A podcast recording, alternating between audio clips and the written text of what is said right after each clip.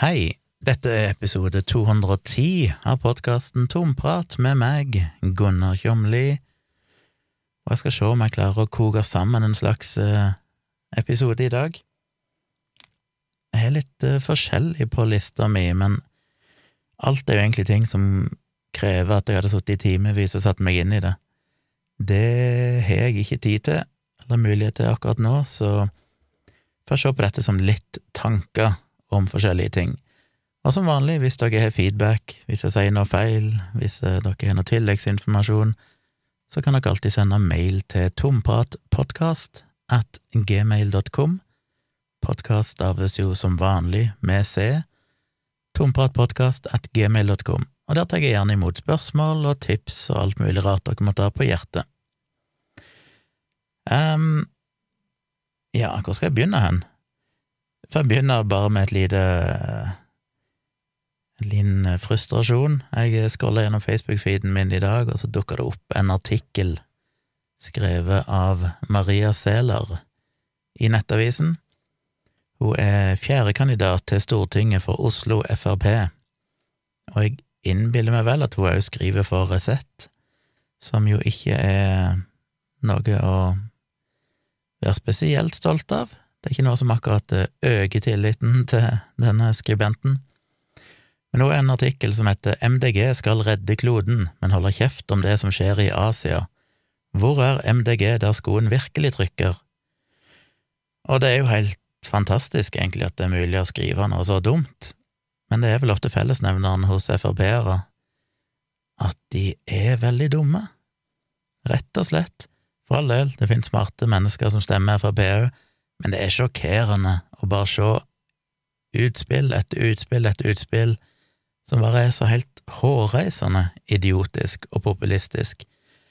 Og en artikkel som dette hadde vel ikke kommet på trykk andre plasser enn Nettavisen, tror jeg, for dette er jo en artikkel som er skreddersydd til sitt publikum. Det er skreddersydd for at folk som ikke er spesielt gode til å tenke spesielt langt, skal tenke at oi, shit, endelig er det noen som kaller en spade for en spade og setter MDG på plass. Men for alle andre som har mer enn 90 IQ, så skjønner en jo at uh, dette her er ikke spesielt smart.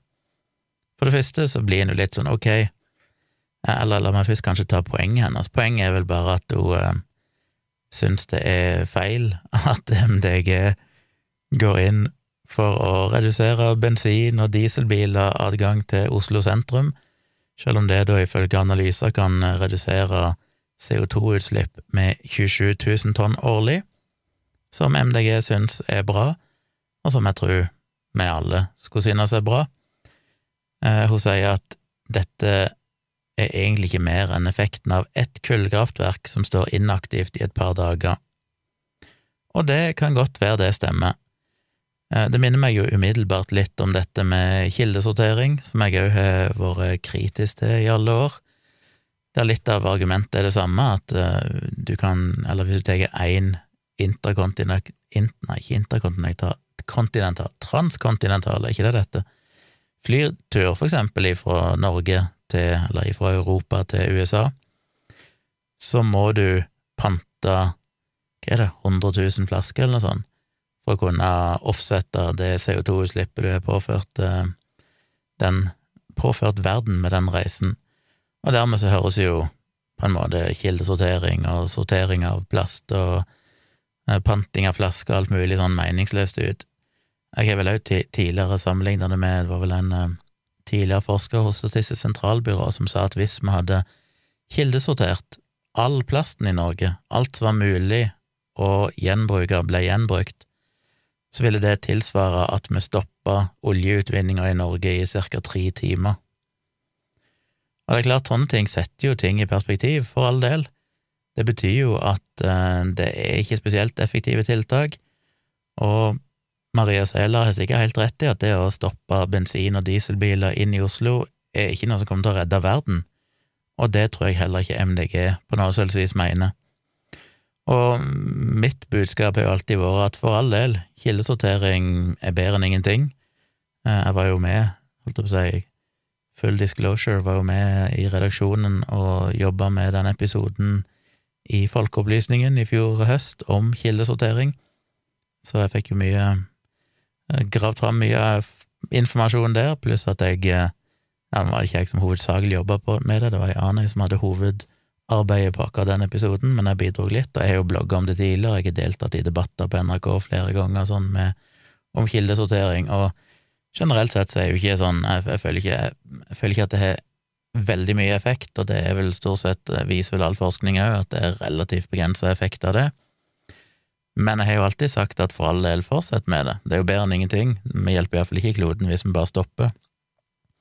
Mitt budskap har jo vært at kanskje vi burde sette inn støtet andre plasser òg, at det blir litt sånn å kjøpe seg fri for ansvar, og at politikere og eh, for så vidt næringsliv og alle som eh, har litt makt i dette samfunnet, har i 30 år sagt at vi må kildesortere som om det skal kjøpe oss fri for alle klimasynd, mens det som egentlig betyr noe, de store tingene, de store, tunge avgjørelsene, har det vært liten vilje til å gjøre noe med, egentlig. Men det vil jo MDG, de vil jo gå dramatisk til verks, og det er vanskelig å ikke støtte opp om det i dag. Det er vanskelig å leve i 2021 og ikke anse klimaproblemene som kanskje er det viktigste, den viktigste saken av alle. Det er fryktelig mange viktige saker her i verden, mye en kan brenne for og engasjere seg i, men det er vel ingenting som overgår akkurat klima, som kommer til å påvirke mitt valg til høsten. Jeg har jo alltid stemt SV, og det er godt mulig jeg kommer til å stemme SV denne gangen òg. Det det må jeg liksom researche litt mer når det nærmer seg. Eh, SV har jo tross alt drevet med, vært veldig aktive på klimapolitikk allerede mange tiår før MDG i det hele tatt eksisterte. Så eh, jeg føler vel at SV er langt på vei mye av det samme som MDG, selv om MDG kanskje tar noen skritt eh, lenger på enkelte plasser. Poenget er at det er vel andre ting jeg er uenig med MDG i. Men så er jo alltid spørsmålet, for det er det jo med alle partier, det er det jo definitivt med SV òg, SV har jo flere ting ganske store, viktige ting i politikken sin som jeg egentlig ikke er enig i. Men det er akkurat det da med at her må han svelge noen kameler. Altså, det må han jo alltid når han stemmer, en må jo bare finne det partiet som er minst jævlig.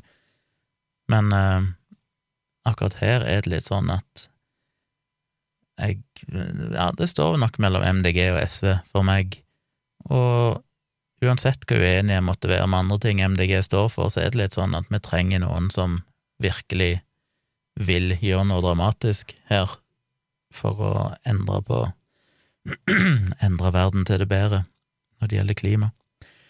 Men tilbake igjen til Maria Sæler. Hun bruker jo litt samme argumentasjon, men problemet med hennes argumentasjon er jo at hun mener jo dette egentlig er meningsløst, at uh, vi vet jo at Frp er jo ikke et parti som akkurat uh, pleier å provosere bilistene, dette er jo et parti for bilistene, for de som elsker bensin og diesel, og uh, den argumentasjonen med at så lenge dette ikke er så mye betydning, så er på en måte MDG hykleriske på et vis, er jo veldig er jo idiotisk, fordi MDG gjør jo ikke bare dette, dette er jo en liten ting blant alt det MDG gjør. Og hennes store overordna poeng i denne teksten er jo at bare se til Asia, der kjører de på med nye kullkraftverk. Kina, India, Indonesia, Japan og Vietnam skal visstnok bygge 600 nye kullkraftverk de neste årene, og Kina står for over halvparten av de. Og det er selvfølgelig problematisk, men det er litt vanskelig å forstå hva det er egentlig hun Maria Sæler mener med det. Mener jo at MDG heller burde ha gått inn og stilt til valget i Kina for å påvirke politikken der. Det blir sånn, ja, jeg tror nok MDG er minst like frustrert som Maria Sæler over at eh, Kina og andre asiatiske land pøser på med kullkraftverk, men de får ikke gjort så mye med det. Så det der poenget med at så lenge det finnes større problemer her i verden, så er det ikke noe vits i at vi gjør noen ting her i Norge, det er jo et sånt argument som har vært vanlig helt siden klimadebatten egentlig starta, dette her med at ja, men Norge er så lite, vi kommer ikke til å redde verden, det er ingen betydning hva vi gjør i Norge. Og realistisk sett, nei, det er ikke mye betydning. Norge står ikke for en betydelig andel av utslippene i verden, men alt bidrar på et eller annet tidspunkt. Jeg mener det er fryktelig mange andre land som har klart å redusere klimagassutslippene betydelig mye mer enn det Norge har de siste årene. Og på et eller annet tidspunkt skal vi da stå igjen og ikke ha gjort noen ting. mens de andre faktisk har klart det. Så det blir jo et argument som er meningsløst. Og så måtte jeg jo bare Jeg kjenner ikke veldig godt til MDG sin politikk, men jeg, jeg googla litt tidligere i dag når jeg leste den artikkelen, og bare googla MDG og Kina, vel, og ser jo at MDG òg har vært veldig aktive tidligere, og sikkert nå òg, på nettopp å stille krav til Kina med tanke på import og sånn, og stille krav til klima, klimapolitikk eller klimagassutslipp for produkter som blir importert og alt mulig sånn. Så MDG gjør jo noe i Kina òg, på den måten de kan gjøre noe. Så eh, bare en veldig, veldig merkelig artikkel som er bare sånn Hva er det egentlig som er poenget her? MDG kan jo ikke gå inn i Kina og endre politikken der, de kan ikke begynne å forby eh, kullkraftverk i Kina og Japan og Indonesia, men vi kan gjøre noe her med Bu, og det prøver MDG å gjøre i mye større grad enn det Frp gjør. Frp, som er et parti som består av en betydelig andel klimafornektere. Det er ja, idiotisk og ganske så grotesk at det går an å komme med et sånt utspill. Og så er det jo det, det er jo en sak som har leie i bakhodet mitt lenge. Jeg vurderte vel å blogge om det tidligere, men så orka jeg bare ikke. Men så dukka det tilfeldigvis opp i feeden min igjen nå, en eh, artikkel om denne ME-studien som skulle kjøres her for en tid tilbake, og som ble stoppa. Vet ikke om dere kjenner til den? Um, ME er jo et ME og lightning process. Det var en, et, et, forsøk på å se om lightning process, som er denne behandlingsmetoden som har blitt brukt litt i Norge mot uh, ME, og andre ting òg, for så vidt, men primært ME, som jeg blogga om for snart ti år siden, en ganske lang bloggpost, der fant jeg ut at nå vil jeg sette meg inn i dette her Lightning Process-greiene. Så jeg skrev en ganske lang bloggpost, og det virker som det er fortsatt er en av de en av de få sånne gjennomgangene av hva Lightning Process egentlig er, for den blir jo fortsatt en dag i dag, så ser jeg jo folk stadig vekk dele den. Hver gang det er en debatt om ME og Lightning Process, så blir den gamle bloggposten min delt. Og da gikk jeg gjennom Lightning Process og så litt på hva det var. Det er jo um, egentlig en behandlingsmetode dikta opp av en fyr. Nå jeg sitter ikke med den bloggposten foran meg, det burde jeg kanskje gjøre. Gi meg to sekunder, så skal jeg uh, Lightning process saksint. Sånn jeg finner mine egne ting. Jeg bare googler noen ord, og så slenger jeg på saksint. Hvis ikke det er presist nok, så skriver jeg site kolon tjomli.com, for da søker han kun på tjomli.com i Google.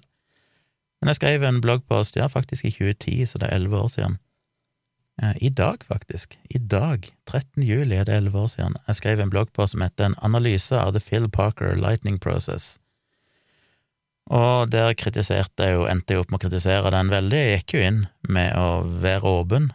Jeg var nysgjerrig, prøvde å finne ut hva dette her er. Jeg hadde ikke noen spesielle mening om Lightning Process. Jeg visste ikke så mye om ME heller, men eh, etter hvert som jeg begynte å lese, jeg pløyde meg gjennom masse Det var jo ikke så mye informasjon om dette i Norge på det tidspunktet. Men jeg fant det var jo i England dette oppsto, og diktet opp, som sagt, av denne Phil Parker. Jeg vet ikke om jeg sa Pete Parker i stad, men han heter iallfall Phil Parker. Som jeg oppsummerer Så gjør jeg ikke det nede i bloggposten her. Ja, han har jo han har jo en tvilsom bakgrunn, han Phil Parker òg. Han er jo sånn NLP-practitioner. Eh, sånn nevrolingvistisk eh, Hva heter det? Nevrolingvistisk eh, et eller annet, som vel òg i stor grad er bullshit. Og de som deltar i Lightning Process, og det er jo det som er litt spesielt der, for å delta i et sånn Lightning Process-kurs som gjerne varer kanskje i tre dager, så må du fylle ut en søknad, og der må du erklære, skrive under på at jeg forstår at The Lightning Process er et treningsprogram og ikke en terapi- eller behandlingsmetode. Prosessen eller instruktøren vil ikke fikse deg, vi vil derimot lære deg metoden som andre har brukt for å bli friske av ME og lignende diagnoser. Jeg forstår at å lære seg The Lightning Process derfor ikke vil garantere meg noen resultater. Dette er fordi det er et treningsprogram, vi vil instruere deg på samme måte som alle andre som har funnet at denne tilnærmingen har vært nøkkelen for å komme seg videre i livet, men vi kan ikke forutse om du vil benytte treningen i livet ditt eller ikke. Jeg tar det hele og fulle ansvar for effekten av å benytte eller ikke benytte treningsprogrammet i livet mitt. Jeg erkjenner at hjerne og kropp kan påvirke hverandre kraftig. Jeg er forberedt på å se på og utfordre mine overbevisninger om min tilstand, sykdom, min helse og meg selv. Jeg er fullstendig forberedt på å gjøre de, noen ganger svært utfordrende, endringene i mitt tankemønster som kreves for å få meg selv tilbake på sporet. Og så vil de, for hvis du da, eller de, folkene de avviser fra å delta, er folk som er skeptiske til prosessen, eller folk som bare har lyst til å prøve for å se hvordan det går, eller for å komme på kurs og bevise at dette ikke virker for deg. Så allerede der ser vi jo mange, mange faresignaler. Jeg mener, de sier jo basically at dette hjelper, og hvis ikke det hjelper, så er det fordi du ikke bruker denne metoden riktig, eller ikke er villig til å investere nok, ikke er villig til å gjøre det vi lærer deg. Så allerede før du i det hele tatt begynner, så, så legger de jo skyld på de som deltar, og de selekterer ut kun de som er veldig, veldig innstilt på at dette skal virke for meg. Og vi skal komme tilbake til den norske studien snart, men det er jo veldig relevant, fordi at det garanterer jo basically placeboeffekter. Det garanterer jo at folk har en enorm vilje til å, til å få noe ut av dette, og som mange kursdeltakere har sagt, i slutten av kurset så må du på en måte stå opp og si at, og erklære ja, dette virker for meg, og det er jo sånn de da òg bruker etterpå i eh, reklamen og sier at så mange mennesker har fylt ut skjema der de sa det virka for deg, men det er jo basically det du blir fortalt at du må gjøre, for hvis ikke du gjør det, så er du ikke fulgt programmet skikkelig, da er du ikke villig nok, da er det din egen feil. Så det er jo en sånn absurd greie der du preselekterer de som skal få lov å delta. Du får ikke lov å delta hvis du i det hele tatt er skeptisk, og på slutten av kurset så må du erklære at dette her virker for deg, og at du er superfornøyd med alt. Så kan de bruke det i reklamen sin da, og si at så mange mennesker følte at det hjalp deg. Selv om kanskje tre måneder etterpå, eller seks måneder etterpå, så er det absolutt ingen effekt, eller kanskje har gjort folk dårligere. Um, så ja, Kurset handler jo om, skal vi se, jeg har vel skrevet om det, ja, metoden i praksis, eh, der jeg skrev opp noen punkter som jeg fant oppsummert eh, på internett den gang, og det er at du må tro at Lightning Process vil helbrede deg, du må fortelle alle at du har blitt helbreda, du skal utføre magiske ritualer som å stå i sirkler tegna på papir med positive nøkkelord påskrevet. Lær deg å gjengi korte rim når du føler symptomene, uansett hvor du befinner deg, så mange ganger det kreves for at symptomene skal forsvinne. Snakk kun i positive vendinger, og tenk kun positive tanker. Hvis symptomene eller negative tanker melder seg, må du strekke fram armene med håndflaten pekende utover og si stopp. Du er sjøl ansvarlig for å ha ME. Du velger sjøl å ha ME, men du er fri til å velge et liv uten ME om du sjøl vil og hvis metoden ikke virker, så er det du som gjør noe galt. Og det er det jo mange i, på de norske LP, altså Lightning Process-kursene òg, som erklærer at du kan stå med ei teine på bakken til ei linje under deg der den ene på den ene sida så står det 'grøfta', og på den andre sida så står det 'et lykkeligere liv' eller 'et bedre liv', eller noe sånt, og så må du hele tiden liksom velge den sida som er et bedre liv, mm, for det er ditt valg. Hvis du vil fortsette å være syk og dårlig, så er det fordi du har valgt grøfta. Så ja, jeg skal lenke til den eh, bloggposten. Den er ganske omfattende, ser jeg nå. Lenge siden jeg ikke leste den. Det var mer omfattende enn det jeg hadde Det jeg kunne huske sjøl. Men ja, så eh, den er iallfall en gjennomgang. Så til den norske studien. Det ble jo da lagt fram en eh, studie som skulle forske på dette i Norge. Og de som har fulgt halvveis med på dette, vet at dette er jo veldig omdiskutert. Det har vært mye rabalder rundt dette i ti år cirka. En av hovedpersonene her er jo Live Landmark, som har blitt eh, postergirl for Lightning Process i Norge. Hun var vel tidlig ute og reiste til England. Jeg hadde ME sjøl, reiste til England, gjennomførte Lightning Process-kurs, ble frisk. Kom hjem og sertifiserte seg eller et eller annet sånt som Lightning Process-instruktør og starta opp et eget firma med dette, der hun er omsatt for mange, mange, mange millioner. Hun har gitt ut ei eh, bok òg om dette, om livet sitt, og hvordan dette her funka for henne. Og jeg har jo sjøl hatt mange diskusjoner med Live Landmark på Twitter og andre arenaer. Jeg skrev jo denne bloggposten i 2010, det var hun ikke så happy for. Eh, noen jeg husker ikke lenge etterpå, litt seinere, noen få år seinere, så skrev jeg en ny bloggpost, for da var jeg så provosert av å se hvor mye hvordan Liv Landmark oppførte seg i sosiale medier, og alle disse historiene fra folk som hadde deltatt på kurs og blitt dårligere, og måten de hadde blitt dårlig behandla på og sånn. Så jeg skrev en ganske lang bloggpost igjen, der jeg tok for meg mange av de historiene og viste eksempler og screenshot av tweets og alt mulig sånn, for å vise både hvordan Liv Landmark egentlig forholder seg til forskning, for det er særdeles eh, tvilsomt, og òg problemene rundt hele dette behandlingsopplegget. Da endte jo Live Landmark opp, det var ei stund etterpå, men da endte hun opp med å ringe meg, og vi prata lenge, og hun ringte meg flere ganger, og prata alltid veldig lenge, og hun fikk etter hvert overbevist meg om at den bloggposten burde jeg ta ned så det er én av to bloggposter av et par tusen jeg noensinne har fjerna i ettertid. Og den er jo på en måte tilgjengelig fortsatt via dette her um, web archive-greiene. Um, så det er mange som lenker til den, for den er jo allerede logga, den er arkivert i The Internet Archive, så mange lenker til den. Så selv om jeg har fjerna den, så finnes den jo for så vidt på nettet ennå. Og så har jeg tenkt litt i det siste på om jeg burde republisere den. Fordi grunnen til at jeg fjerna den, er jo ikke fordi at jeg mente det var noe feil i den, men fordi hun hadde et poeng i at jeg kunne jo teknisk sett ikke verifisere alle de anekdotene folk kom med om deres opplevelser. Hun mente at noen av de var feil og sånn, og når jeg da blir stående der og sånn, ja, jeg vet jo ikke, hvis hun sier det er feil, og disse folkene sier det er korrekt, så blir det jo mye hearsay, kanskje ikke det er godt nok, så jeg endte opp med å fjerne den. I ettertid, når jeg har hatt en del år å tenke på det, så ser jeg jo at eh, det er jo egentlig ikke Det hadde jeg egentlig ikke noe grunnlag for å gjøre. Det var nok kanskje litt utmattelse og feighet. Jeg bare tenkte sånn ja, ja, ja, ok, greit, jeg fjerner den. Eh, jeg følte liksom at hun hadde kanskje et poeng, jeg var litt usikker, da tenkte jeg det kanskje best å være på den sikre sida og ta den vekk. For jeg ville ikke skulle være uetisk på noe vis. Men det er klart det skiller seg jo ikke fra det enhver journalist eh, skriver. Eh, hvis du har kilder som sier et eller annet, så er jo det fair enough, så lenge de kildene er oppgitt med kilder, holdt jeg på å si, med navn og sånn. Og jeg kunne jo eventuelt bare føye til en liten linje om at jeg har snakka med Liv Landmark, og hun bestrider dette, et eller annet sånt.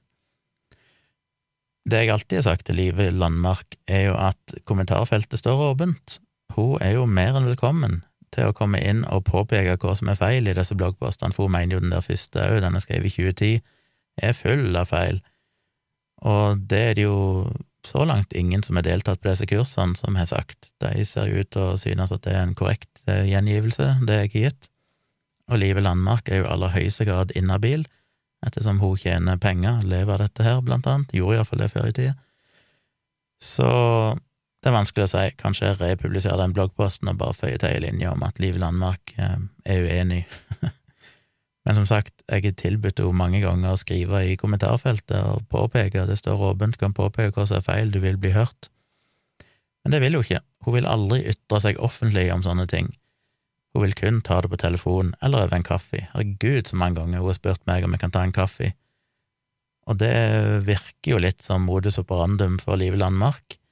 Hun jobber mye i kulissene. Det er mye mye Hva heter det, lobbyvirksomhet, holdt jeg på å si, der hun er veldig glad i å få folk, gjerne folk som har litt innflytelse på forskjellige områder, til å ta en kaffe, og så skal hun liksom få de på si side. Og så, det er jo det syns jeg er en hersketeknikk, det der, der med når folk sier at hei, kan vi ikke ta det over en kopp kaffe heller, istedenfor å krangle på internett. Det høres jo så fornuftig ut, ikke sant, dette her med det er viktig å møtes face to face, og, og ja, på en måte så er det jo selvfølgelig en verdi i det, men når uenigheten gjenger direkte på sak, så blir jo det bare en måte å forsøke å avvæpne motparten på til ok, når du har møtt meg, så kanskje du ikke er så kritisk lenger, for da føler du liksom en slags bånd. Mens jeg føler at det vil jo bare ødelegge en viktig debatt. Her er det jo faktisk, det er jo ikke viktig hvem som står bak de forskjellige argumentene, poenget er jo saken i seg sjøl. Sånn der eh, La ikke ta en kaffe, altså når du da ikke aksepterer det, så blir du stående igjen som the bad guy, på en måte som den som ikke vil prøve å løse dette på vennskapelig vis. Men det er jo ikke det det handler om. Det handler jo om å faktisk debattere sak. Så Live Landmark er jo vært involvert i denne studien. Hun eh, skulle jo blant annet òg være involvert i denne preseleksjonen av de som skulle være med i studien. De skulle ha 100 personer, så vidt jeg har skjønt, som skulle gjennomføre Lightning Process i tre dager, og da se om de ble bedre eller dårligere.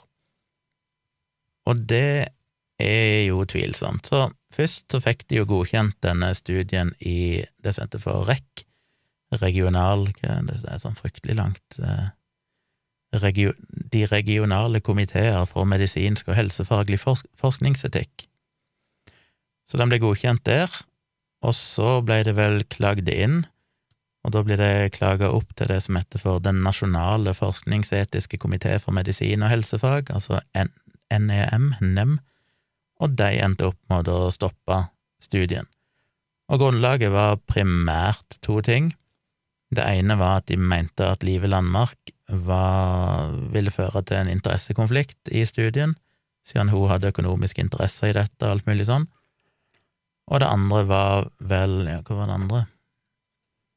Eh, det andre var dette med ja, at det basically ble bare å se etter placeboeffekter, altså det ble en rent sånn subjektiv vurdering. Det var ikke noen konkrete biologiske markører eller endepunkter du kunne se på. Det ble bare sånn når du er ferdig med studien, så skal du fylle ut et spørreskjema, så skal vi se om du føler det hjalp deg. Og det er jeg jo fed up med. Altså, dette har jeg diskutert så mange ganger når det gjelder akupunkturstudier, for eksempel. Det blir stadig vekk eh, gjennomført nye pilotstudier innenfor akupunktur som for meg er helt meningsløst, for felles for alle disse studiene er jo at de har ikke noen skikkelig blinding, de har ikke noen skikkelig kontrollgruppe. Det er basically bare her tar med 15 personer med en eller annen lidelse, gir de akupunktur, spør de etter, etterpå, om x antall uker etterpå, eller hva det måtte være, om de føler at det hjalp de. Og så er det som regel mange som sier ja, det hjalp meg. Ah, akupunktur virker. Og dette vet vi jo, hvis det er én ting vi vet etter 100 år med medisinsk forskning, så er det at det er totalt ubrukelig. Det betyr absolutt ingenting.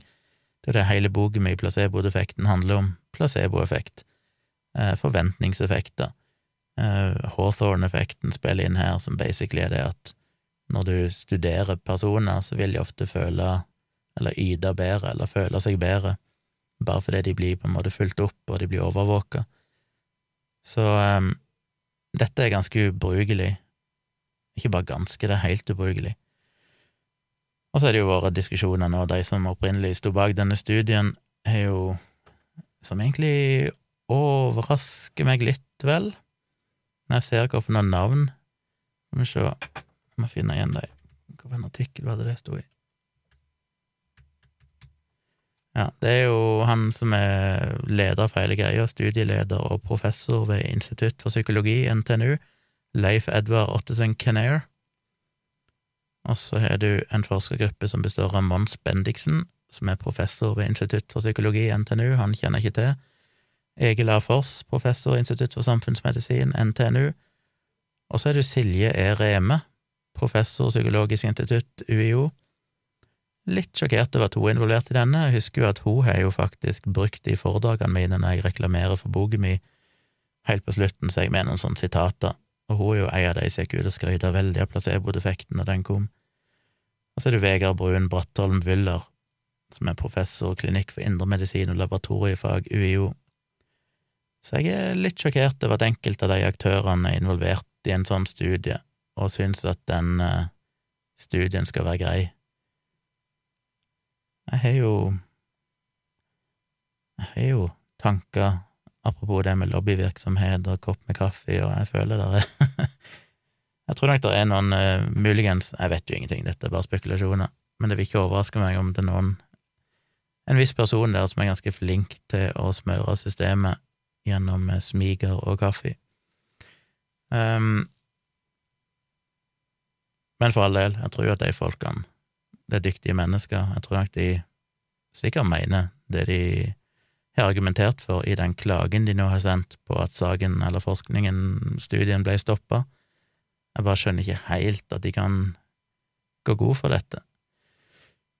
Men uh, ja, så det har vært mye debatt om dette. Jeg er definitivt enig i at denne studien ikke har noen verdi, og det er flere grunner til det. Det ene er jo at for det første mener jeg han ville ikke funnet noen ting.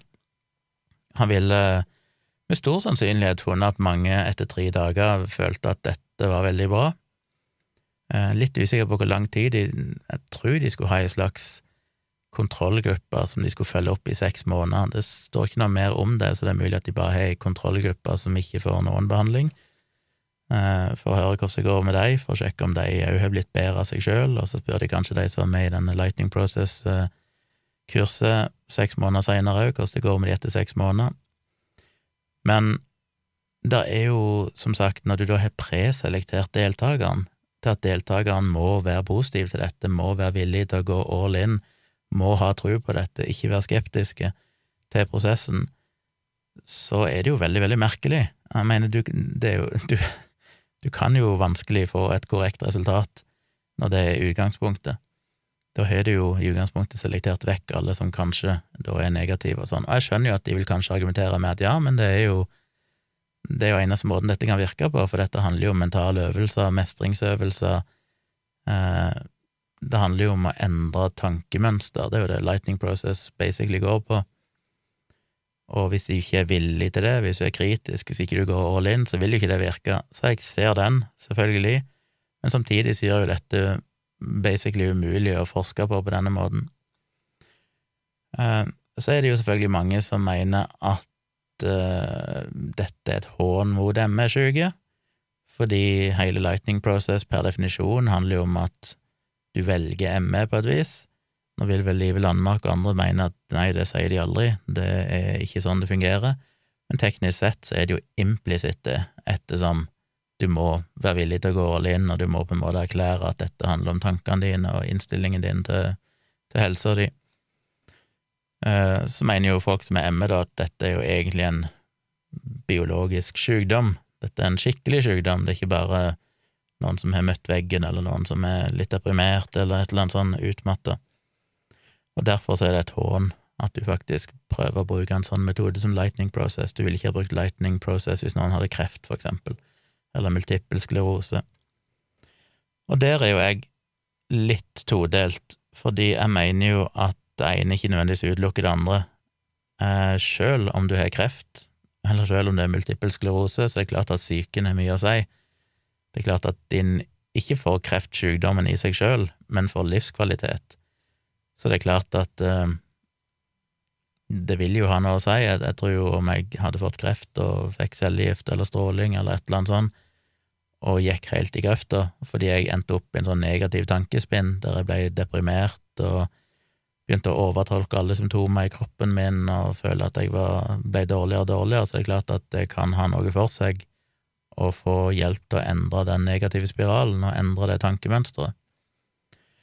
Eh, men det vil jo ikke helbrede ME for de som har, og dette er jo alltid litt sånn tricky, for at jeg opplever nok, basert på anekdoter og mine egne kjennskaper til forskjellige folk, at, at ME fortsatt er litt sekkediagnose. Det vil si at det er en sånn ekskluderings-, eksklusjonsdiagnose, eller hva de kaller det, at når du har ekskludert alle andre ting, det er ikke depresjon, det er ikke ditten og det er ikke datten, og du ikke har noen annen forklaring, så er det litt sånn ok, dette er ME. Nei, det er jo mange forskjellige kriterier for ME. Du har Canada-kriteriet når du har uh, Hva heter det? Fukuta? Fukusa? Fuku? Fukumia? Fukuma? Fukuto? Et eller annet sånt kriterium. Jeez, det er mange år siden jeg skrev om dette, sorry. Men du har flere sånne forskjellige kriterier som er litt uh, for, forskjellige i hvor strenge de er. Uh, La meg se om jeg har skrevet det, det er så flaut å komme med helt uh... Nei. Det har jeg faktisk ikke skrevet om i i denne bloggposten i det hele tatt, det er så forskjellige kriterier. Det har jeg kanskje skrevet om i den andre bloggposten, som ikke er der lenger. Men ja. Og jeg vil tro det har blitt bedre etter hvert som en får mer kjennskap til sykdommen og sånn, så er kanskje kriteriene for å få en ME-diagnose blitt strengere. Men rent sånn anekdotisk så har jeg sjøl kjent folk som eh, fikk en ME-diagnose for ganske mange år siden. Da snakker vi kanskje en ja, 10-15 år siden. Og gikk helt i grøfta. Endte opp med å finne ut at de skulle starte sitt eget firma istedenfor, med noe som de sjøl brant for. Og så ble de basically friske igjen og kjørte fullt på og fikk medieomtale for dette nye firmaet de hadde starta, hvor bra det var og sånn.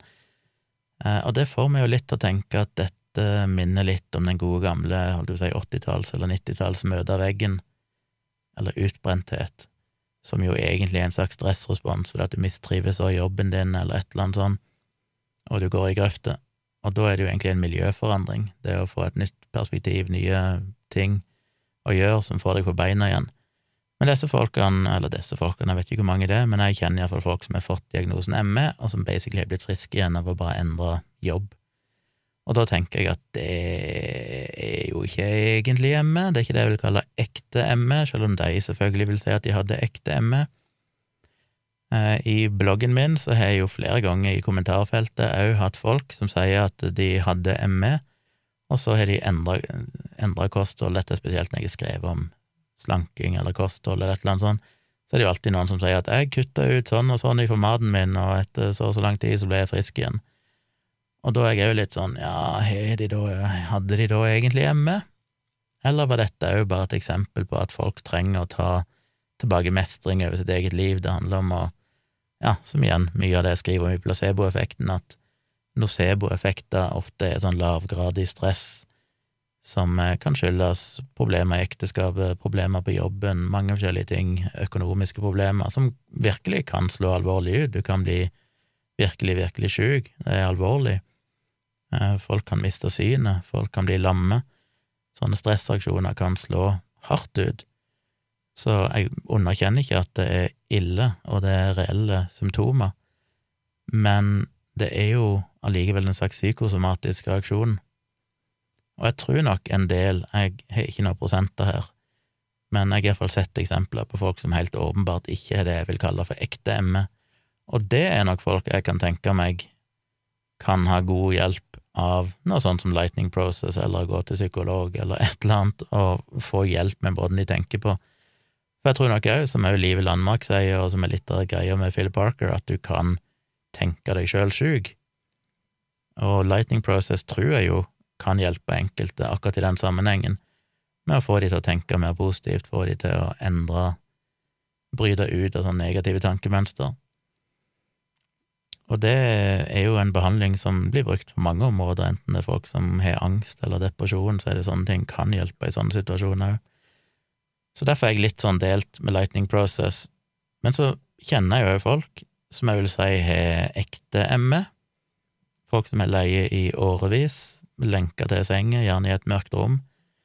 Eh, selvfølgelig er det vanskelig for meg å si, kanskje de hadde blitt friske hvis de bare hadde endra tankemønsteret sitt, men det tviler jeg veldig på, for de jeg kjenner blir jo veldig, veldig sjuke, altså de får jo influensasymptomer og verre av å bare bevege seg litt eller overanstrenge seg litt, så blir, går de helt i grøfta med smerter og feber og ja, så Igjen, jeg er ikke noen lege, jeg er ikke ekspert på dette, selvfølgelig, så dette får dere ta som dere vil, men etter jeg har fulgt dette feltet i en tiårs tid, og har kjent en del med ME, og sett mange eksempler på ME, så tenker jeg at det er litt av problemet her. Det er mye av det som grumser til debatten, det at ME ikke er en reindyrka nok diagnose, sånn at du vil få de her halleluja-historiene fra folk som føler at lightning process og kostholdsendringer og alternativ behandling for det har jeg jo selvfølgelig sett mange som mener at homopati eller akupunktur eller whatever gjorde at de ble friske fra ME. Og det har jo ingen tro på at folk som har det jeg vil kalle for ekte ME, at det ville ha hjulpet dem. Selv om igjen så er det jo gråsone her, òg noen med ekte ME kan kanskje få litt hjelp av å ja, tenke annerledes, fordi jeg kan jo tenke meg at ME er en typisk sykdom der du blir veldig var for dine egne symptomer du blir nok overivrig på å lytte til kroppen din fordi det skal så lite til før du går i grøfta. Skal så lite til før du blir eh, dårlig fordi du overanstrenger deg, og da blir du nok veldig sånn nesten hypokondrisk i den forstand at du føler på alt, og det vil være negativt, for da vil du nok ofte overtolke symptomer, og du vil føle stress rundt det, som igjen kan ha en negativ effekt og skape nye symptomer. Så ingenting her er liksom clear cut, alt er overlappet. Men jeg skjønner at de som virkelig, virkelig er sjuke, eh, ser på det som en slags hån, dette her med at staten og sånn òg skal gå inn, og Nav skal gå inn og sende folk til Lightning Process-kurs når de er ME og sånne ting. Jeg skjønner at det kan virke som et, eh, et eh, spark til noen som ligger i grøfta allerede. Så dette er jo òg litt sånn relevant, bare fordi vi har jo litt den samme debatten nå, plutselig, med det som kalles for long covid, altså folk som har litt sånn ME-lignende symptomer etter at de har hatt covid-19, og det har det jo vært mye debatt om, hvor stort problem er det? Og der er det jo sprikende tall, det er jo noen tall som finner at rundt 60% av alle som har hatt covid, ender opp med long covid, og har varierende grad av utmattelse eller smerter eller forskjellige problemer sjøl et halvt år etterpå og sånn. Eh, andre tall er kanskje lavere enn det. Og så gikk jo nå han eh, han eh, Henrik Vogt og Andreas Pale ut på, i Dagens Medisin, og dette Nei, det var vel ikke nå, forresten, ser jeg, det var helt tilbake igjen i november i fjor de faktisk gikk ut med dette, for da hadde en vel allerede begynt å snakke om long covid. Men jeg fikk en mail av en her på tompratpodkast.gmil.com som lurte på om jeg kunne si litt om det, og hadde egentlig ikke tenkt å gjøre det, for jeg tenkte det er litt for mye å sette seg inn i. Men da jeg begynte å snakke om Lightning Process og ME, så tenkte jeg ja, ja, dette er jo faktisk litt relevant. Så jeg skal ta Jeg skal ikke si noe pløye dypt ned i det, for det har jeg ikke gjort, men det var vel på en måte bare relevant at Henrik Vogt og co. mener at vi må være forsiktige med at ikke vi overdramatiserer long covid, fordi at det kan skape frykt og stress og rett og slett påføre folk sykdom. Altså at folk som har hatt covid-19, blir så bevisste på at oi, det er visst mange som får long covid, det er mange som får sånne og sånne symptomer, og det kan føre til at de føler det sånn sjøl. Og han som eh, skrev den mailen til meg, han sa vel egentlig at han hadde gått litt i den fella sjøl. Han hadde jo eh, sjøl hatt covid-19 og ble veldig dårlig etterpå. Han eh, Nei, det var feil mail. Se hvor den der. Han eh, hadde covid for tre måneder siden, og etterpå så følte han at han, han sleit veldig. Han eh, hadde problemer med konsentrasjonen, han måtte sove flere ganger, eller mange ganger i løpet av en dag. Eh, veldig fort sliten, og han driver eget firma, så dette var et stort problem. Og han ble frustrert og følte at kanskje covid har gjort varig skade på kroppen. Men så begynte han å lese mer om long covid, og blant annet lese det som han Vogt skrevet, og klarte da å senke skuldrene litt og begynte å fant ut at han måtte ha litt lavere forventninger til seg sjøl, slappe litt mer av etter jobb, men ikke for mye, begynte å gå litt turer selv om han følte seg sliten, og etter seks uker, seks uker så følte han seg helt bra igjen.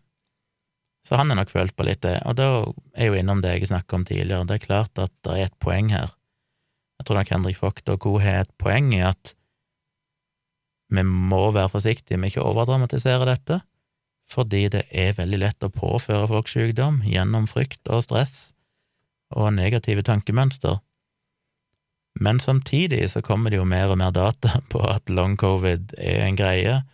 Eh, nye studier nå har jo funnet at eh, spesielt, eller til og med hos barn, så finner de en reduksjon av denne grå massen i hjernen, blant annet, etter folk har hatt covid, og en finner jo skader på andre organer og sånn, så det er jo et eller annet her, så det er jo den balansen da mellom at ja, det er jo reelle fysiske, biologiske skader på kroppen som enkelte får, men samtidig så er det jo fryktelig mange som ikke får det, og en skal være veldig forsiktig med å ikke stresse rundt det og føle at en er forplikta på en måte til å føle det sånn, eller at, at, det er så stor sjanse for at det er sånn, at nå må jeg gå rundt og lytte til kroppen min og være forsiktig og ikke eh, ta meg for mye ut og sånn.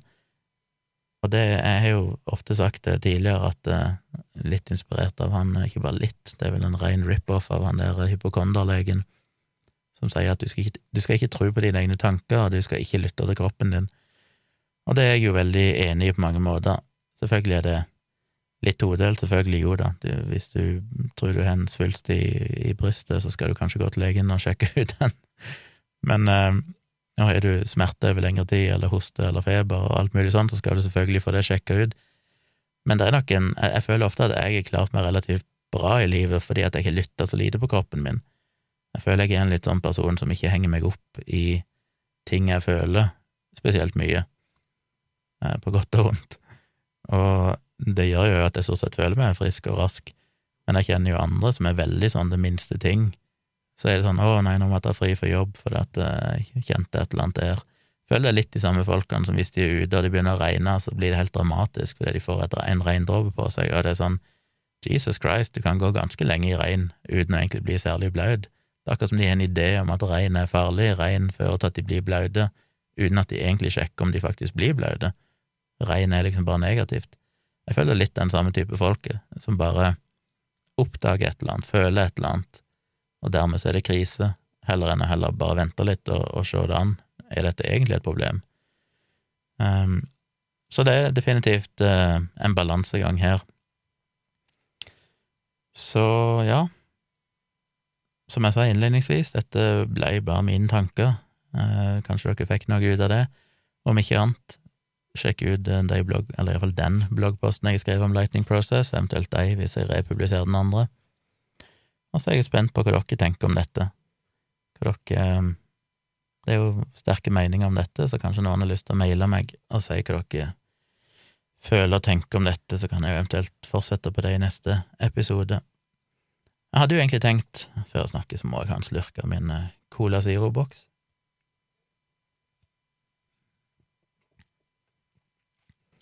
Jeg må jo bare Jeg hadde egentlig tenkt å gjøre dette til en covid-koronafri episode, men jeg har jo allerede feila litt der. Jeg har fått noen mailer som handler basically om det, men uh, litt usikker om jeg skulle gjøre for mye av det, men så ble jeg plutselig inspirert allikevel. Én er bare litt sånn, vet ikke, skadefryd.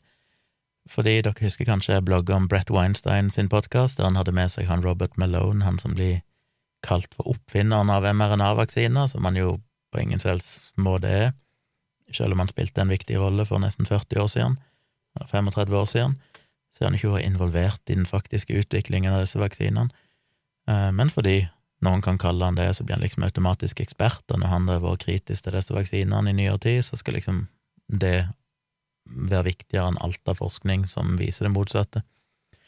Uh, Brett Weinstein var jo nylig gjest uh, på Jeg tror det var Tucker Carlson, som jo er en grusom person, på Fox TV i USA, Fox News, og der hadde han en rant, blant annet, som jeg, mange har delt på Twitter, stort sett i negative termer, det som jeg ser, da, for jeg følger jo stort sett en del sånne fagpersoner som har delt det klippet og sagt at det her er fullstendig feil. Men da jeg blogga om han, så gikk det jo på dette med piggproteinene og at de var farlige og bla, bla, bla. Det har jeg jo snakka mye om tidligere, og dere kan lese om det i bloggen. Men nå har han jo hatt en rant som basically er det samme som jeg òg blogga om enda lenger tilbake i tid, der han hevder at eh, vaksinene vil gjøre virusene farligere.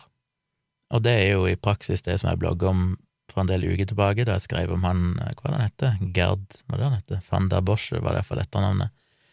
Eh, som gikk ut og sa det samme og sendte en sånn advarsel til CDC og FDA og alle sammen og sa at livsfarlig å drive og vaksinere folk midt i en pandemi, for vaksinene vil føre til et seleksjonspress som gjør at bare de farligste variantene av virusene vil overleve, og viruset vil bli mye farligere. Så dette er et forferdelig farlig eksperiment.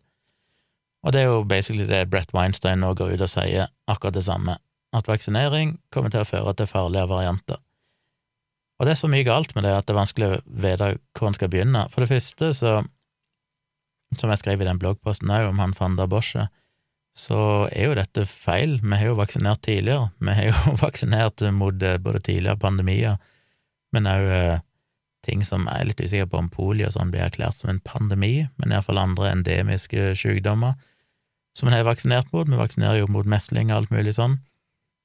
Så langt har aldri det ført at de plutselig har blitt mye farligere. Selv om du har en, eh, en eh, høyt vaksinert befolkning, så har ikke det ført til farligere mutasjoner, varianter. Men ikke minst så kan en jo bare se på 2020 og 2021. De variantene som har kommet så langt, har jo utelukkende kommet ifra uvaksinerte befolkninger. De har kommet ifra Sør-Afrika, ifra Brasil, ifra muligens India, der det har vært Eh, og Storbritannia òg, på et tidspunkt før de begynte å vaksinere, den med såkalte britiske mutasjonen, eller alfa-varianten, Den kom vel tilbake i desember allerede, gjorde den ikke det? Og da hadde de ikke begynt å vaksinere engang. Så alle disse mutasjonene har jo kommet i land der de enten nesten ikke har vaksinert noen, eller allerede før de begynte å vaksinere. Det har så langt ikke dukket opp en eneste mutasjon i land der det har vært en høy grad av vaksinering, som for eksempel Israel, for så vidt USA, enkelte europeiske land, Storbritannia. Eh, og jeg tror det baserer seg på en sånn fundamental, men litt sånn subtil misforståelse. For det virker som at folk tenker på det som at ved å vaksinere, så på en eller annen måte pusher du viruset til å lage farligere mutasjoner. Det er akkurat som det er et sånn seleksjonspress som øker virusenes evne til å, å, skape nye farlige mutasjoner. Og det er det jo selvfølgelig ikke. Vir vaksiner har jo ingen effekt på virusenes eh, mutasjonsrate, eh, eller måten de muterer på, for virusene muterer hele tida. Og de som da eventuelt blir mer smittsomme, for eksempel, eller blir mer dødelige, hvis det, det er det vi måler dette, kan jo da plutselig, men spesielt de som blir mer smittsomme, vil jo da begynne å spre seg mer i befolkningen, og det er jo det vi har sett så langt med alfavariantene, og nå sist denne delta-varianten. Så virusene muterer jo uansett, det er ikke sånn at vaksiner pusher de mot farligere mutasjoner, eh, men eh, det oh, stopper helt opp for meg.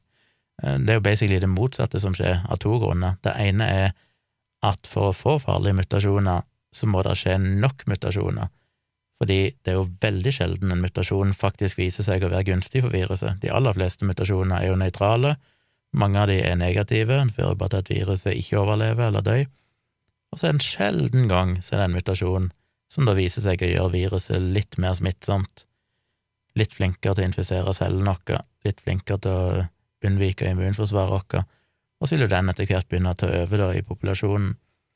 Så virusene muterer hele tida, og, og vaksinene har ingen påvirkning på det. Det er ikke sånn at eh, du plutselig begynner å få farligere mutasjoner hvis du vaksinerer. Tvert imot så er det jo sånn at når du vaksinerer, så reduserer du jo antall kropper der det kan være virus, ergo så reduserer du antall totale mutasjoner på denne jordkloden av dette SARS-CoV-2-viruset. Så jo mer vi vaksinerer, jo færre muligheter blir der for at det skal oppstå en farlig mutasjon. Og derfor er den beste måten er jo nettopp å vaksinere.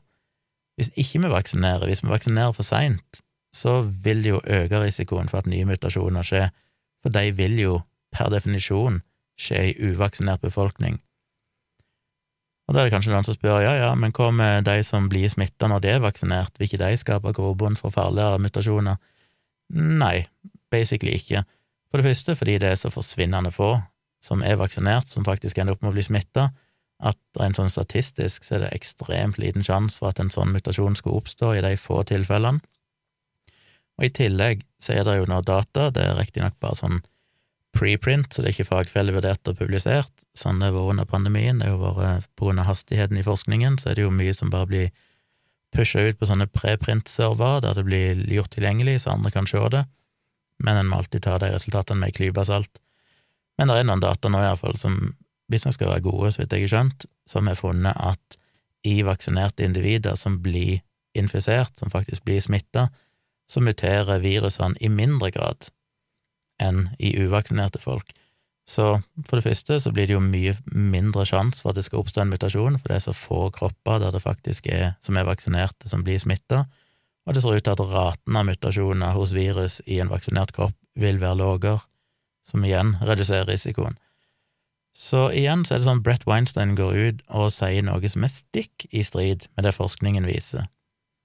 Og jeg blir litt sånn skade, skadefro, det er det heter, fordi jeg har jo aldri spesielt likt disse her uh, intellectual dark web-folkene, med sine fantastisk modige protester mot transpersoner og alt det der eller transbrukerpronomene som folk vil ha, og, og eh, sin uh, håpløse kamp mot cancel culture, der de er så ekstremt ekstreme til å føle seg som ofre for den minste ting.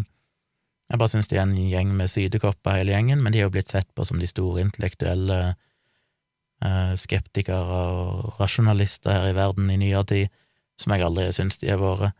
Og dette viser i hvert fall at en av de, eller flere av de, har gjort det tidligere, men igjen så er det en ny, da, Brett Weinstein, som nå går totalt ko-ko og basically bare totalt antivax. Og baserer seg på dårlig forskning, baserer seg på misforstått forskning, og er ekstremt selvhøytidelig i måten han snakker på, som om dette er sånn Ja, Joe Rogan klarte vel til og med å, å ha en sånn uh, en uh, sånn egen episode der han måtte få fram dette med hvor farlig disse vaksinene var. Og, nei, eller var det Ivar McTean han hadde en sånn hasteepisode om? Ja, en av delene. Begge delene er iallfall basert på helt håpløs vitenskap. Og det er bare så pinlig å se hvor selvhøytidelig det er, som at å, vi er de eneste som tør snakke om dette, og vi tør å stå imot eh, politisk korrekthet. I realiteten, det eneste de står imot, er jo god forskning.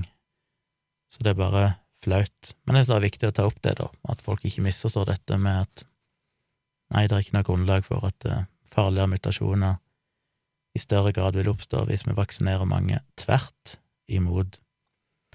Og så føler jeg òg, for å ta til slutt en liten rant om vaksine og gravide, ammende kvinner. Nå håper ikke jeg mista den faen, det ville vært litt irriterende. Nei, der er han.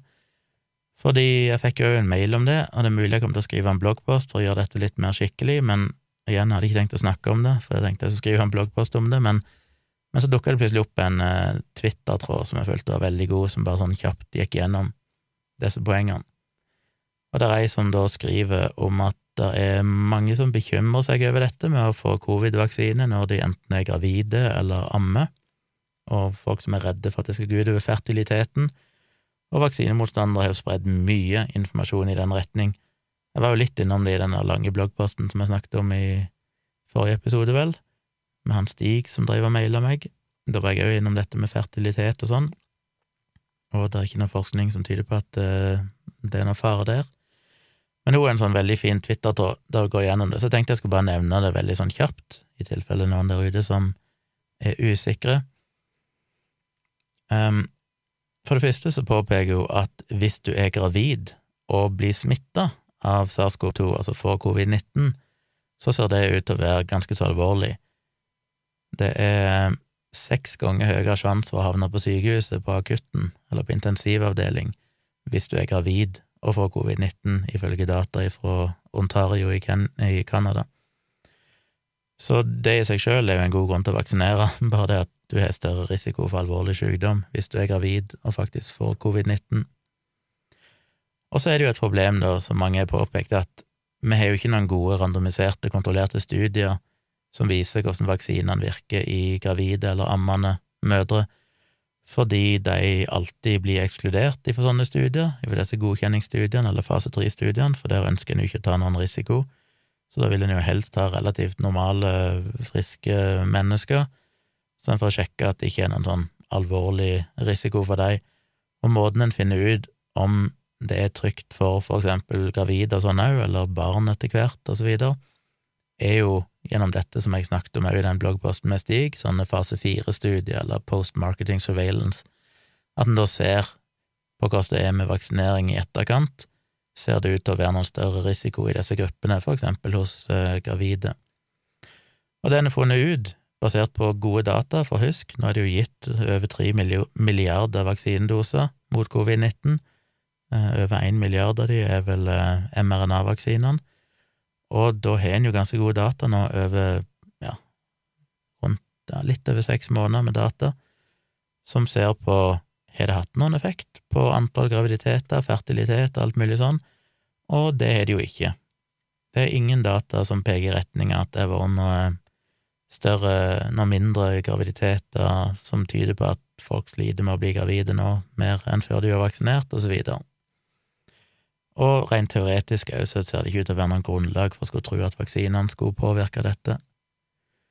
Um, og så skriver hun ja, det som jeg òg har vært innom tidligere, både i en tidligere podkastepisode, vel, men òg i den bloggposten, at tvert imot så ser det ut til at ammende mødre kan ha en fordel av å bli vaksinert, fordi antistoffet som kroppen lager etter at de er blitt vaksinert, gjenger over i morsmelka og faktisk kan muligens gi barnet litt beskyttelse.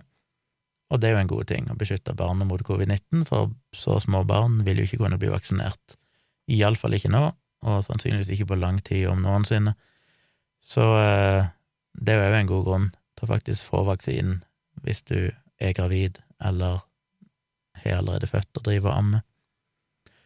Og så er det jo denne her påstanden om at disse piggproteinene Det var jo tidlig ute, det var vel han der tidligere et eller annet lederen i Pfizer eller noe sånt, som plutselig gikk ut og mente og spekulerte i om det kunne påvirke fertiliteten, blant annet med disse piggproteinene, når immunforsvaret går til angrep på dem, så kan det føre til en slags autoimmun respons der immunforsvaret òg går til angrep på noen proteiner i morkaka, tror jeg det var, fordi de visstnok ligner litt på hverandre, men det har en jo ikke sett noen tegn på, som sagt, det har ikke vært noe problem med fødsler og graviditeter i det hele tatt, og heller ikke noen økning i antall spontanaborter.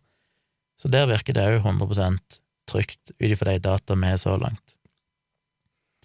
Og så er det jo den påstanden som jeg òg var gjennom mange ganger i bloggen, blant annet med Brett Weinstein og co., dette med de farlige piggproteinene, der de påsto at de fra piggproteiner som kroppen produserer etter at vi er blitt vaksinert, sprer seg i kroppen og infiserer forskjellige organer, som jo basically bare er tull, for det er nesten ingenting av det som sprer seg i kroppen, og en finner jo ingen skadevirkninger av det.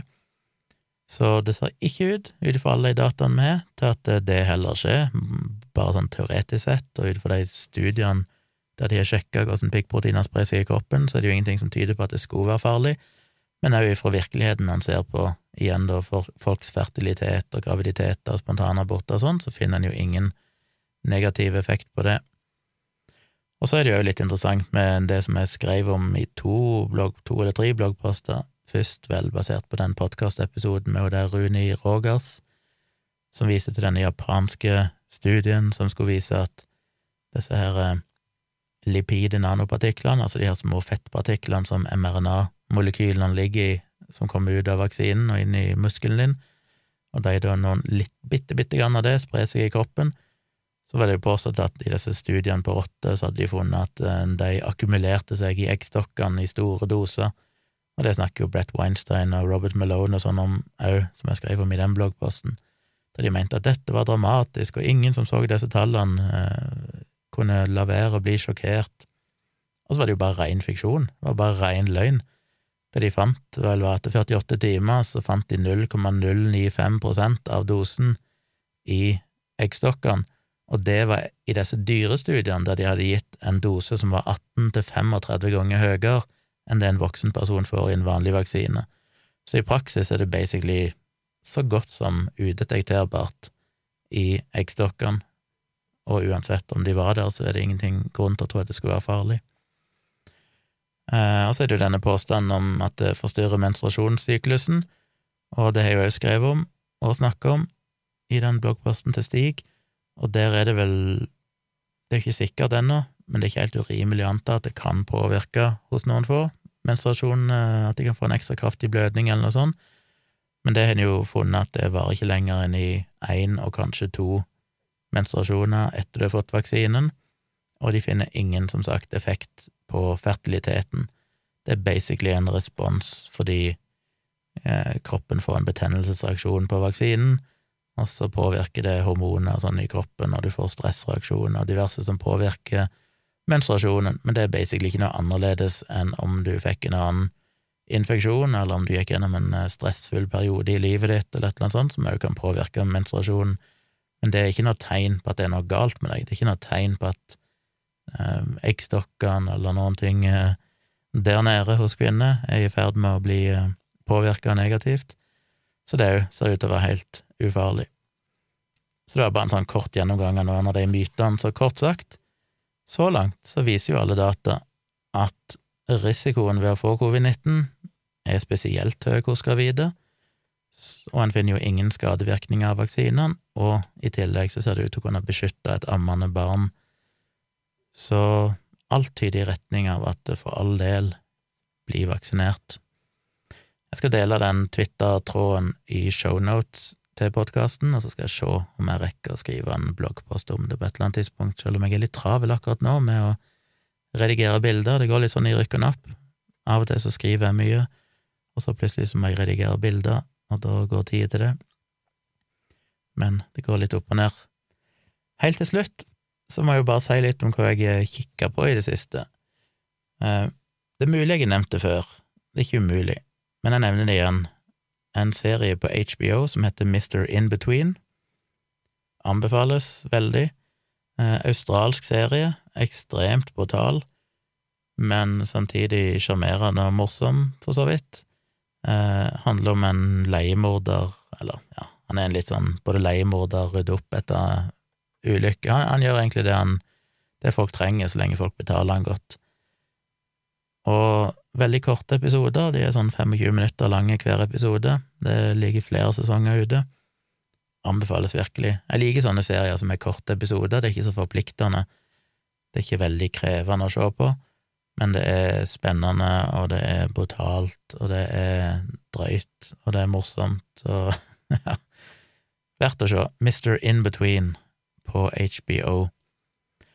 En annen serie vi begynte å se på i dag, for jeg tror han kom i dag, det er en ny serie på HBO Nordic som heter The White Lotus.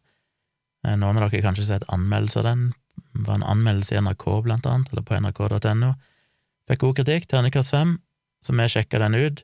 Det er bare kommet én episode, det er det som er litt kjipt med HBO, at de slipper jo bare én episode i uka, så Men iallfall første episoden var veldig lovende.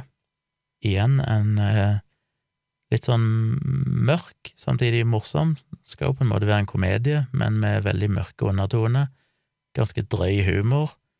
Uh, I én scene så er det plutselig et nærbilde av at en står og viser kuken sin til kona, for han er redd for at han har fått testikkelkreft, og da er det liksom bare sånn nærbilde at han står og drar i kuken, og, og, og ballene henger der, og det er sånn skyss, til og med ble litt sånn Dette var nesten litt Det var jo ikke noe seksuelt, men det var liksom bare nærbilde av en kuk, da en som dro i kuken med og tafsa på ballene sine og hadde redd han hadde kreft. Det var bare litt sånn shit, dette hadde jeg ikke venta av en sånn typisk serie. Så det setter jo setter jo standarden litt for hvor den serien er hen. Det er en komedie, men definitivt litt utenom det vanlige, vil jeg si. Så den vil jeg virkelig anbefale folk å se. Den virker veldig, veldig kul. Og så litt sånn guilty pleasure. Vi har jo nettopp sett sesong to, selv om vi er litt på etterskudd, for det er ganske lenge siden den kom av The Circle USA, som går på Netflix. Og meg og Tone så jo første sesong av The Circle da han kom, jeg husker ikke når det var, ett-to år siden, og syns jo det var dritbra. Det er jo definitivt en av de aller beste, syns jeg, sånne reality-konsepter jeg har sett. Eh, for de som ikke har sett det, så er jo konseptet at du har en del deltakere som blir sjekka inn i hvert sitt rom i et sånn stor blokk, så alle sitter i hvert sitt rom, helt atskilt fra hverandre, altså en, en leilighet, basically, der de har soverom og stue og kjøkken og bad. Og i alle rommene så henger der data eller skjermer på veggene, og så skal de velge en karakter. Noen av de er seg sjøl, de har profilbilder av seg sjøl, de sier at de heter sånn og sånn, er så og så gamle og skriver litt om seg sjøl, og er seg sjøl gjennom hele serien. Men så er det noen av de som er catfish, det vil si at de utgir seg for å være noen andre enn den de er. Og så kommuniserer de kun gjennom holdt på et slags fiktivt sosialt medie, da, som er denne dataskjermen som de kan snakke til. Eh, så det sitter jo helt åpenbart folk i redaksjonene i bakgrunnen, da, så de sier sånn Circle, uh, send a message, og så dikterer de en melding, og så blir det skrevet ut på skjermen foran de av noen som tydeligvis sitter i redaksjonen, er veldig raske til å skrive og så blir det sendt. Så kan de enten ha private chatter med andre, eller de kan ha gruppechatter, og så er det utfordringer og ting som skjer hele tida, og så er det noen som blir skal de stemme på hverandre, og så er det noen som blir stemt til å bli sånne super influencers, som da skal velge å blokkere en person, som da blir stemt ut, på en måte. Og det som alltid er så gøy, det som gjør at det er så morsomt, er at det er omtrent sånn annenhver episode så, så gjentar denne syklusen seg hele tida. Og det blir jo mer og mer intriger og drama og folk som allierer seg med hverandre uten at andre vet det og sånn. Men det som er så gøy, alltid at eh, det skjer liksom, du har den prosessen, og så blir det mer spennende med avstemning, og så kommer superinfluenseren som da skal blokkere noen, så det er spennende. Og så er jo alltid høydepunktet jo egentlig at den som blir stemt ut, kan få lov å velge å gå inn på et av de andre rommene og hilse på en av de andre personene. Og det er jo alltid like gøy, spesielt hvis den personen de velger, er en catfish, og de tror kanskje at det var ei modellpen, 23 år gammel dame, og så viser det seg å være en gammel mann som bare ja, gitt seg ut, utgitt seg for å være denne dama, og de reaksjonene er alltid morsomme. Og så er det jo en del sånn twists underveis, plutselig så er det noe nytt som skjer, en helt ny regel som ingen visste om, og det var enda mer av det i andre sesong for å gjøre andre sesong spennende, da, at det ikke ble helt likt første, så har de plutselig innført en del nye twists underveis. Så den blir vi jo bare alltid hekta på. Når vi begynner å se på det, så blir vi jo sittende i timevis og bare binge-watche, for det er sånn De stopper jo selvfølgelig hver episode alltid rett før noen blir stemt ut, eller et eller annet sånt, så du må bare se neste for å se hva, hva resultatet ble. Veldig, veldig gøy. The Circle. Den opprinnelige er jo amerikansk og foreligger i to sesonger, men så ser vi jo at eh, det finnes jo en The Circle UK, men den fant vi ikke på Netflix, i Norge iallfall.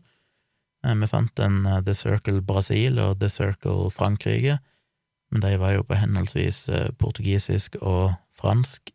Selvfølgelig tekster og sånn, men det er litt ikke, folk, ikke helt det samme når du føler du må lese teksten og ikke forstår det de skriver på skjermen og sånn, uten å måtte lese tekstinga hele tida. Så det tror jeg ikke vi gidder å se. Men vi må se om vi klarer å oppdrive den engelske versjonen. Det hadde vært litt gøy.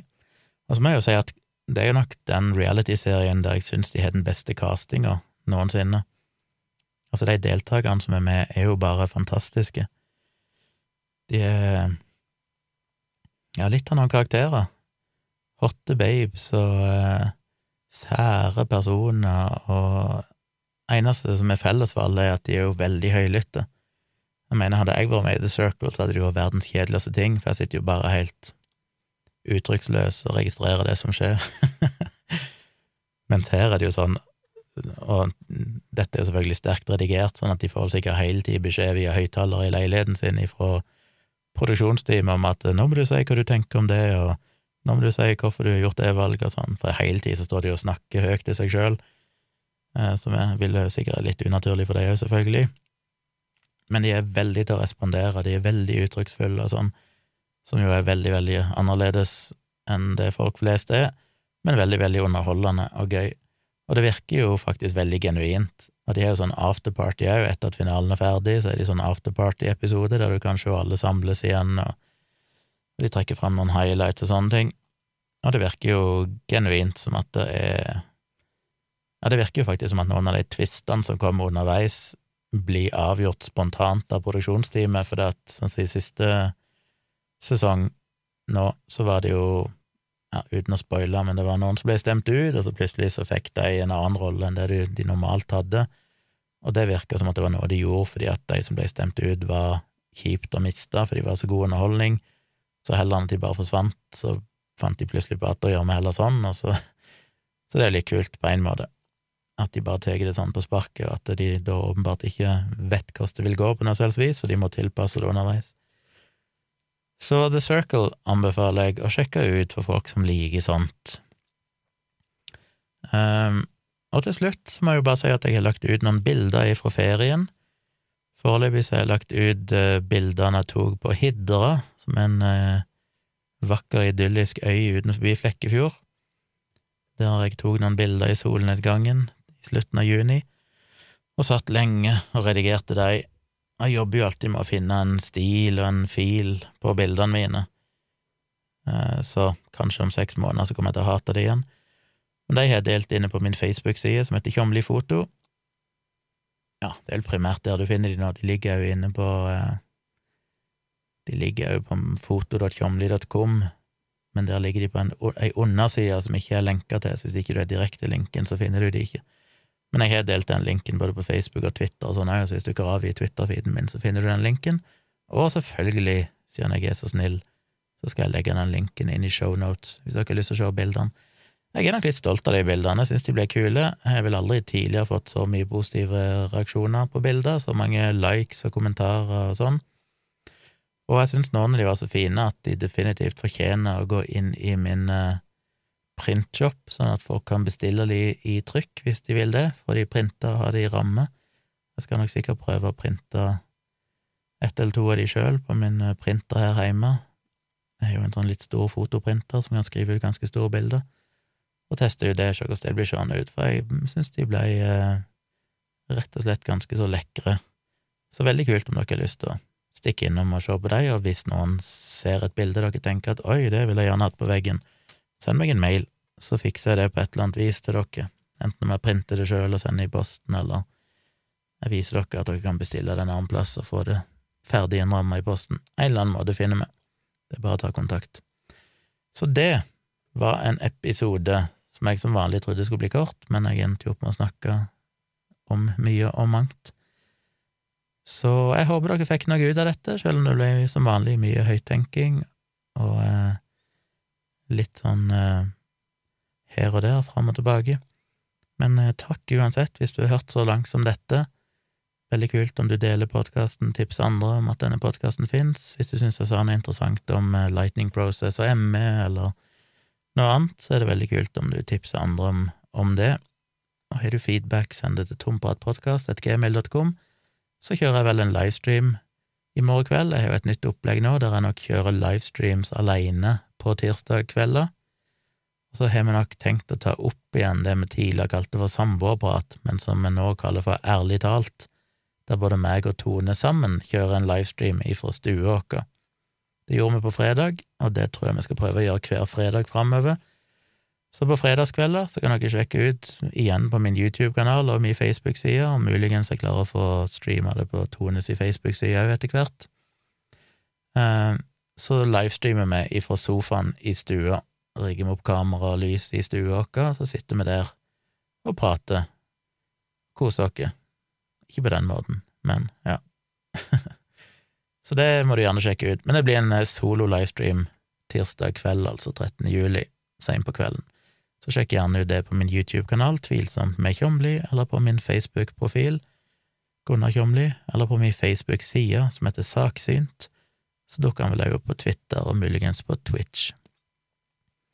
Da har jeg snakka meg hes, så jeg er tilbake igjen på fredag med ny episode av denne podkasten, og fram til da så må dere jo sjekke ut Virkelig grusomt, som òg kom med en ny episode nå i dag, eller teknisk sett i går, og eh, så høres vi igjen et eller annet sted.